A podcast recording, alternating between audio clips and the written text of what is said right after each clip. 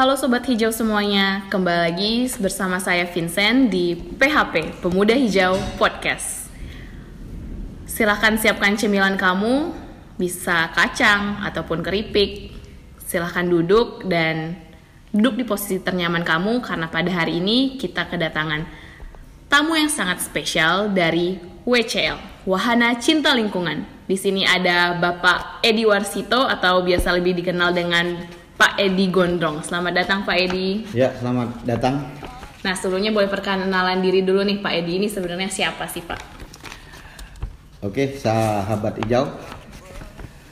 Selamat sore, siang, pagi bagi yang mendengarkan. Nama saya Edi Warsito. Eh, saya ketua Wahana Cinta Lingkungan atau WCL. WCL ini terbentuk pada tanggal 16 Oktober kebetulan hari Kamis tahun 2014 hasil dari kolaborasi kawan-kawan mengenai lingkungan yang kebetulan dulu basic saya adalah uh, sebagai uh, bekerja di penghijauan bekerja sama dengan pemerintah daerah Kabupaten Bangka Barat dan melihat kondisi uh, di Bangka Barat kebetulan banyak penambang penambang liar yang termasuk di daerah pesisir pantai, di hutan konservasi, hutan HP, dan di situ banyak kerusakan lingkungan. Jadi dari situ uh, saya punya ide mengajak kawan-kawan untuk membentuk satu organisasi atau LSM uh, yang berbasis lingkungan. Hmm. Yang diberi nama Yang WCL. diberi nama disepakati WCL dan kebetul kebetulan pendirinya ada empat orang termasuk saya sendiri Edi Warsito, terus Rio Valevi, terus Wahyudi HR dan M Adahari.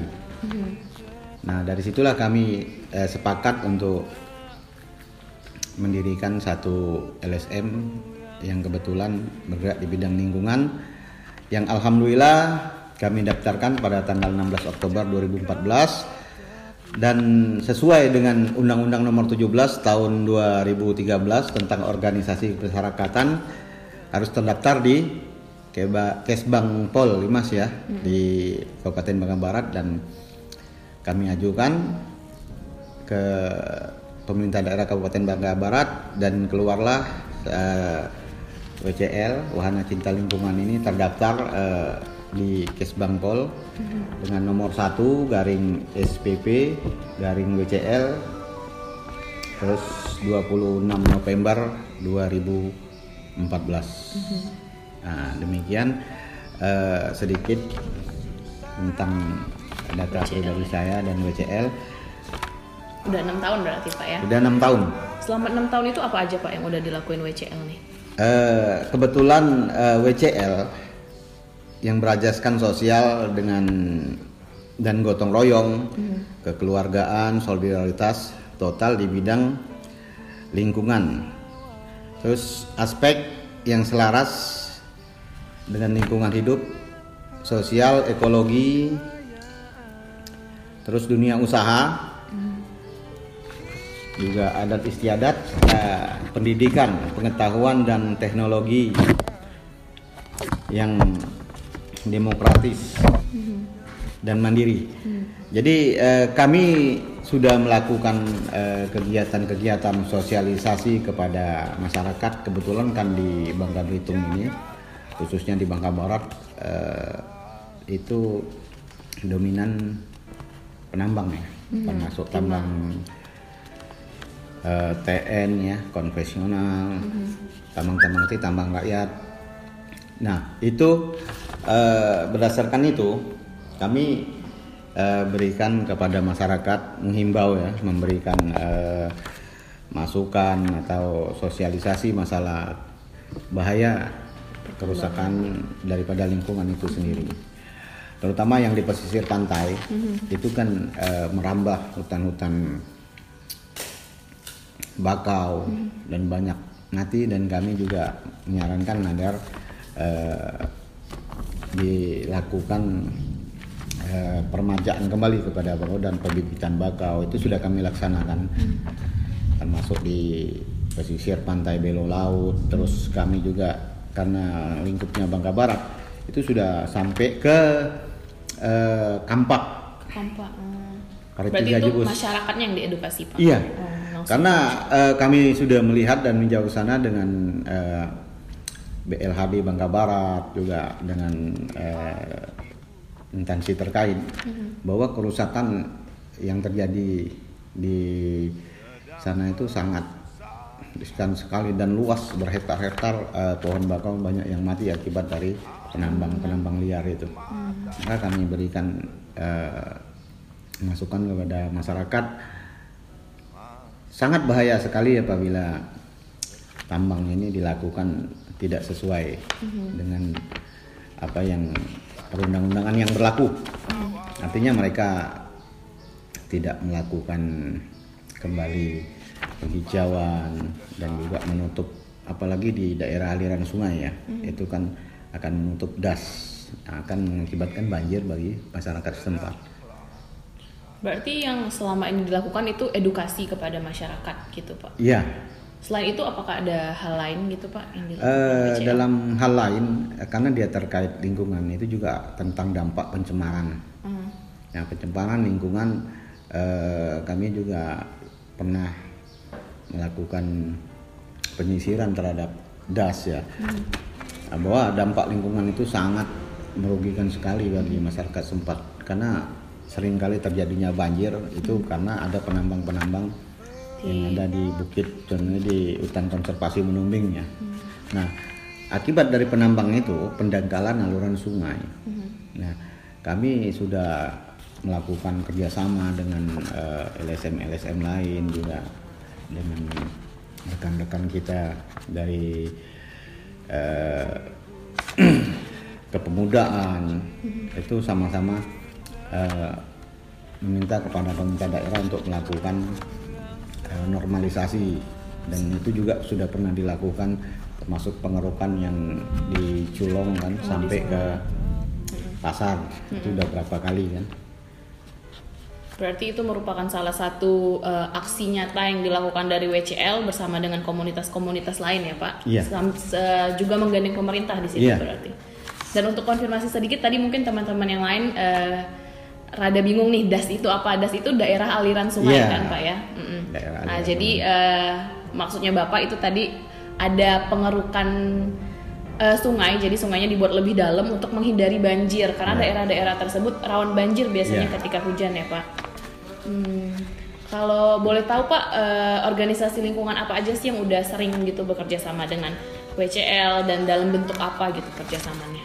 eh organisasi yang eh, bekerja sama dengan WCL itu termasuk kepemudaan, OKP, OKP, juga eh, organisasi daerah, termasuk KNPI, termasuk juga ada forum komunikasi. Ini kan apa? Forum komunikasi banjir yang dibentuk mendadak kalau pas banjir kan. Nah itu Dadakan. banyak sekali. Eh, kita ke depan juga akan bekerja sama dengan Laskar Hijau. Nah Laskar Hijau ini kan sudah jalan untuk pengolahan eh, pengangkutan sampah-sampah ya dengan kerjasama dengan pemerintah daerah.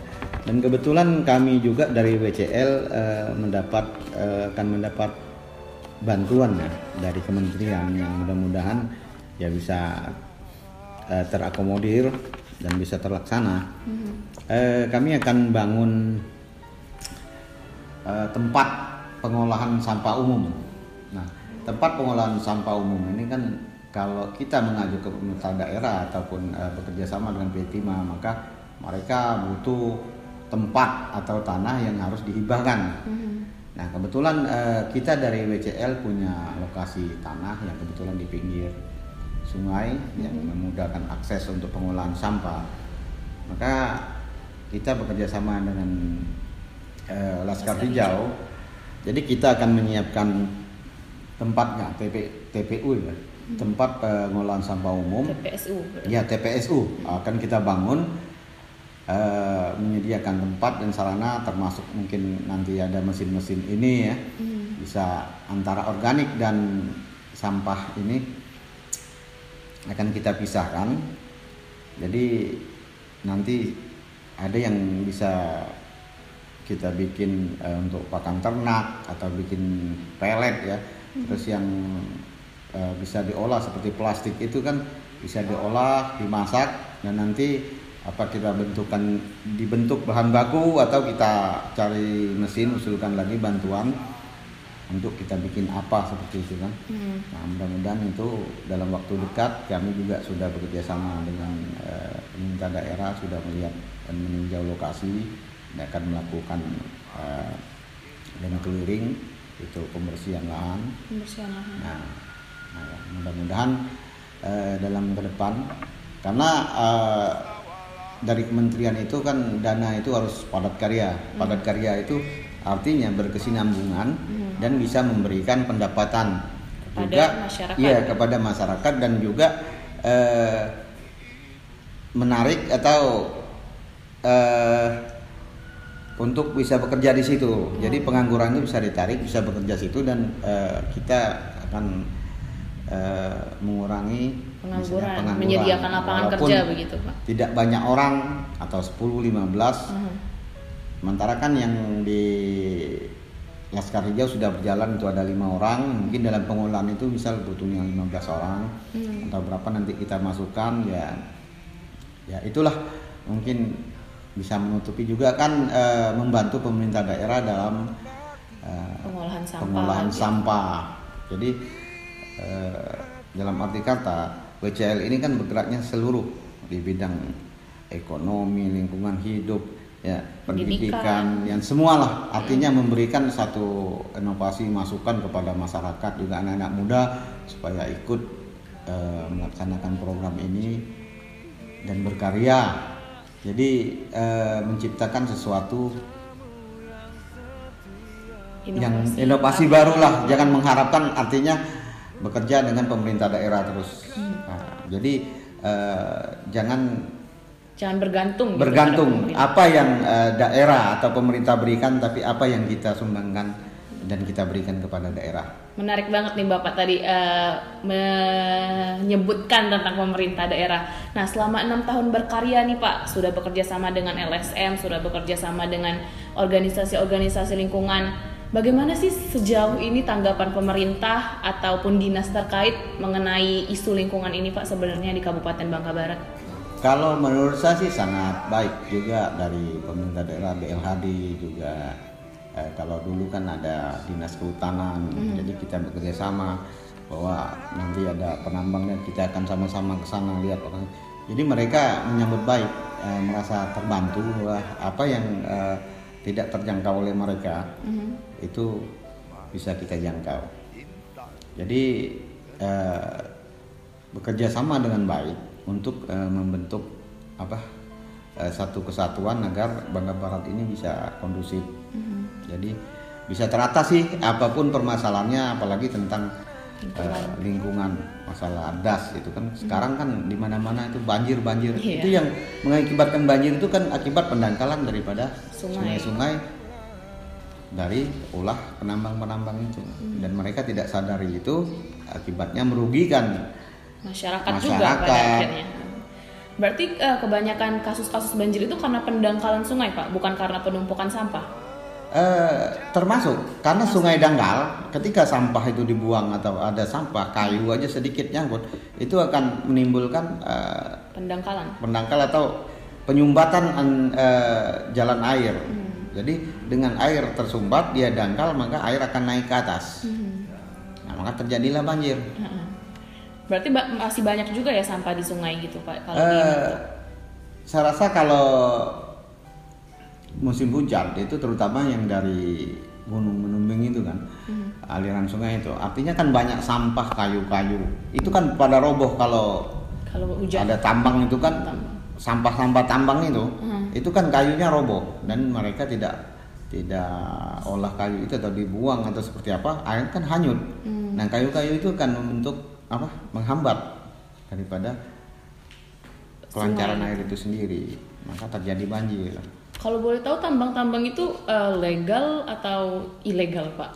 Saya rasa kalau dari menumbing itu hampir rata-rata ilegal. Ilegal ya. Ya. Kalau dia legal itu kan dia punya standar. Pengolahan ya. Iya. Ada SPK surat perintah kerja diterima, terus ada eh, apa? Eh, dari timah itu sudah menentukan bahwa ini loh yang bisa ditambang. Hmm. Nah ini kapi timah di kapi kapi timah yang sesuai dengan SOP timah. Soalnya kan rada beresiko juga ya Pak kalau buka pertambangan di daerah bukit atau gunung gitu kan rawan longsor gitu. Iya, itulah yang terjadi. Artinya kan mereka kucing-kucingan dengan Petugas. gitu. tugas yang terjadi kan ke beberapa uh, bulan yang lalu itu kan ada razia di Menumbing ternyata dengan sendirinya mereka itu tanpa izin malam-malam Oh. nggak siang tapi mereka malam-malam ternyata begitu di razia banyak sekali di atas sana itu yang melakukan penambangan-penambangan liar Hmm. Kalau dari pemerintah ataupun komunitas lingkungan di daerah Bangka Barat ada nggak sih Pak upaya untuk eh, memperbaiki wilayah-wilayah yang sudah digunakan untuk tambang itu, misalnya seperti penanaman atau apalah usaha yang sudah dilakukan gitu Pak? Saya rasa itu sudah dari dulu reklamasi itu ya. Kalau timah, makanya uh, PT Timah itu kalau sesuai standar mereka, uh, kita pasca penambangan itu, ya mereka harus reklamasi. Dan kebetulan saya juga sudah dari tahun 2007 ya, saya dulu bekerja sama dengan pemerintah daerah itu uh, tentang gerhan ya. Gerhan itu Gerhan itu apa Pak? eh letakhan ya. Jadi eh, gerhan itu eh, sama dengan eh, P5 melakukan eh, ini apa normalisasi lahan hutan. Jadi dengan penghijauan. Nah, saya tuh dulu di Bangka Barat ini hampir eh, semua eh, kecamatan di Bangka Barat itu kemarin saya ikut di situ eh, melakukan penanaman penghijauannya. Mhm. Tapi bukannya kalau misalnya sudah ditambang tuh agak susah ya Pak buat ditanam kembali? Iya karena eh, lahan yang sudah ditambang itu asam. Hmm. Jadi eh, kalau kita sebut di sini ini tanah kat, tanah kat itu sudah sudah tidak ada humusnya lagi. Heeh. Dan kebetulan kan kalau dulu dalam eh, penghijauan itu dia mengutamakan tanaman lokal ya, seperti eh, nyatu. Itu pohon khas Pohon, Bangka iya. Bangka Belitung gitu. ya pohon nyatu. Ternyata kalau kita lihat dari hasil itu tidak efektif. Oh, kenapa itu tuh, kan tanaman itu kan tanaman keras dan dia tempatnya harus tempat dingin. Oh. Nah, jadi yang lebih efektif itu seperti sengon, akasia. Hmm. Nah, itu eh, yang lebih efektif dan dia mudah tumbuh.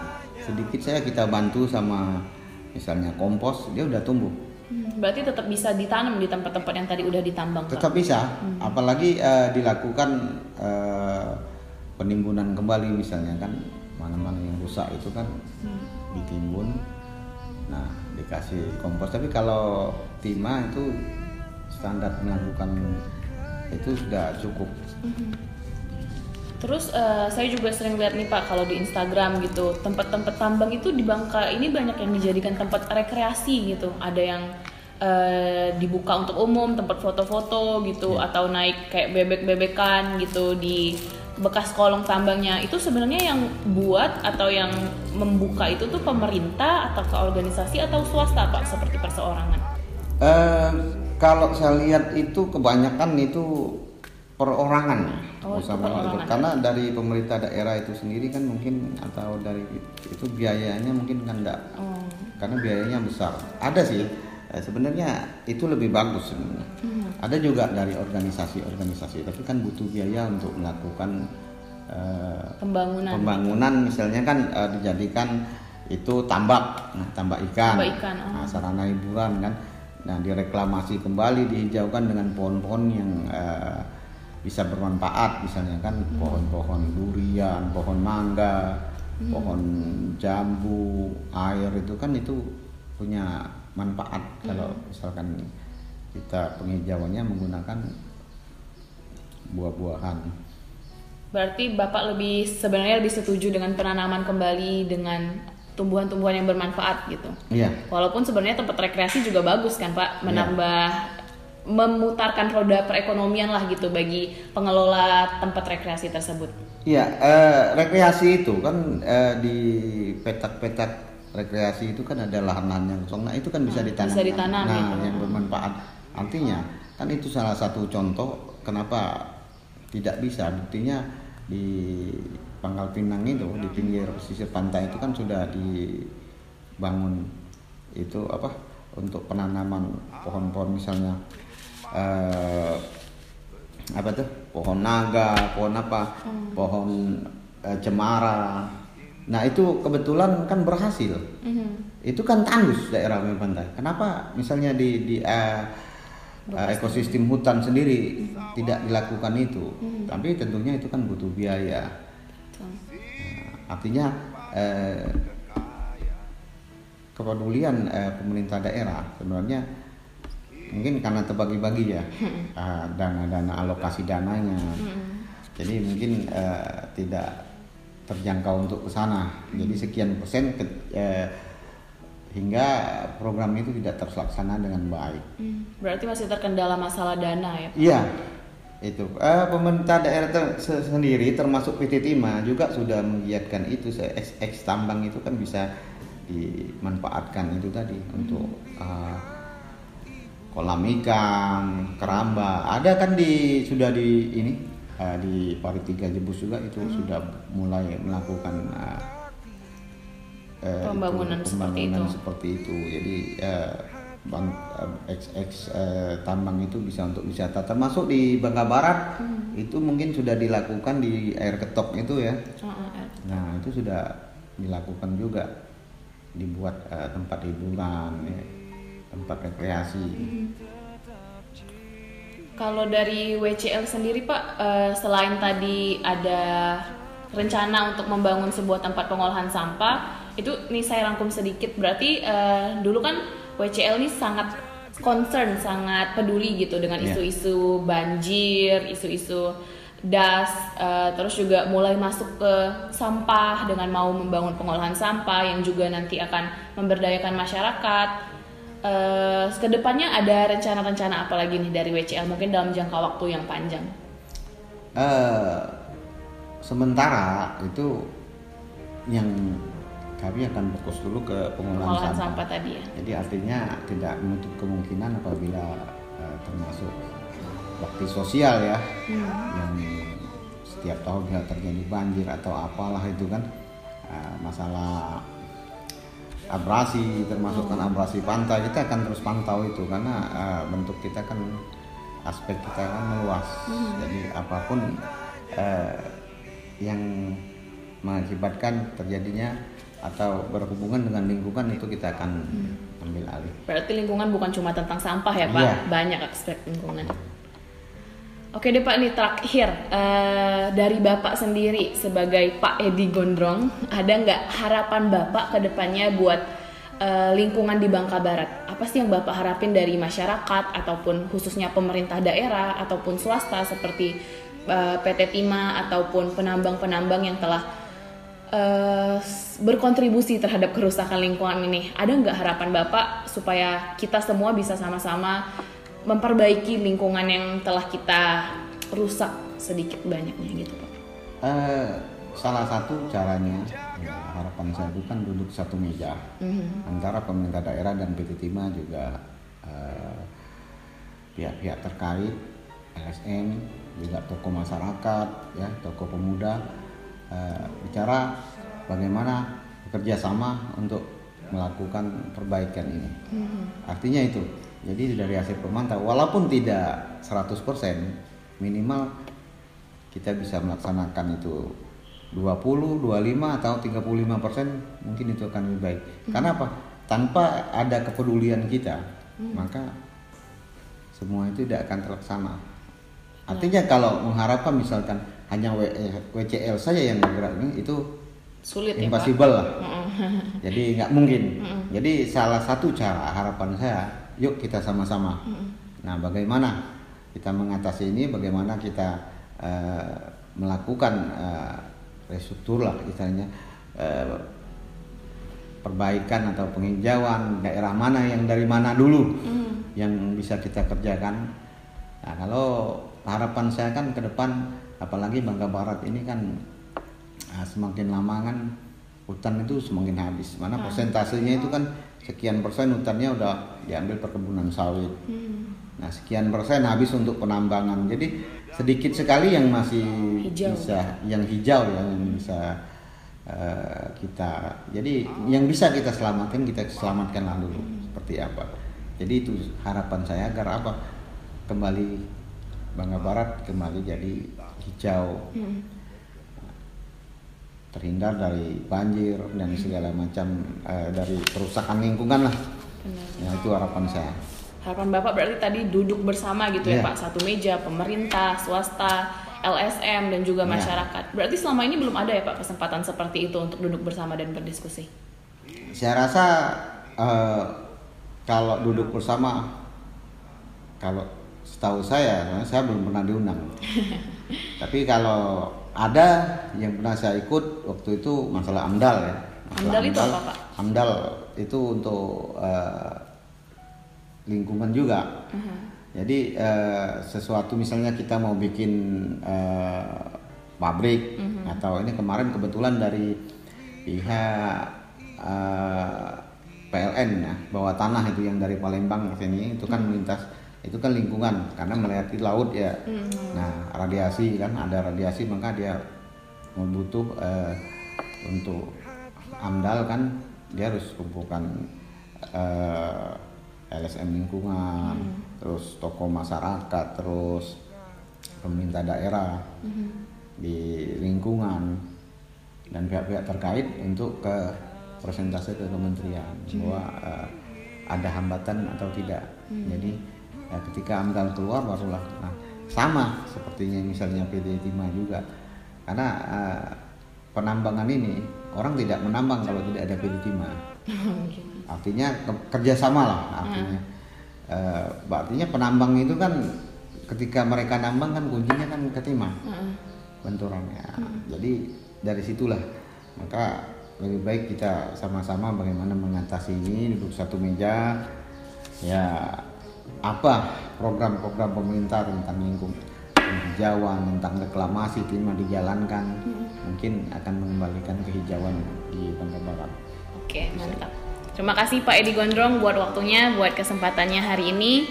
Eh, semoga harapan Bapak dan harapan kita semua Bangka Barat bisa lebih hijau lagi, bisa eh, diperbaiki lagi lingkungan-lingkungannya yang sudah sebagian rusak karena pertambangan. Semoga lebih banyak lagi ya Pak eh, kesempatan-kesempatan buat kita bisa duduk satu meja bersama berdiskusi dengan berbagai komponen pemerintah, swasta, masyarakat, dan LSM untuk mencari solusi bagaimana isu-isu lingkungan seperti ini bisa teratasi di Bangka Barat.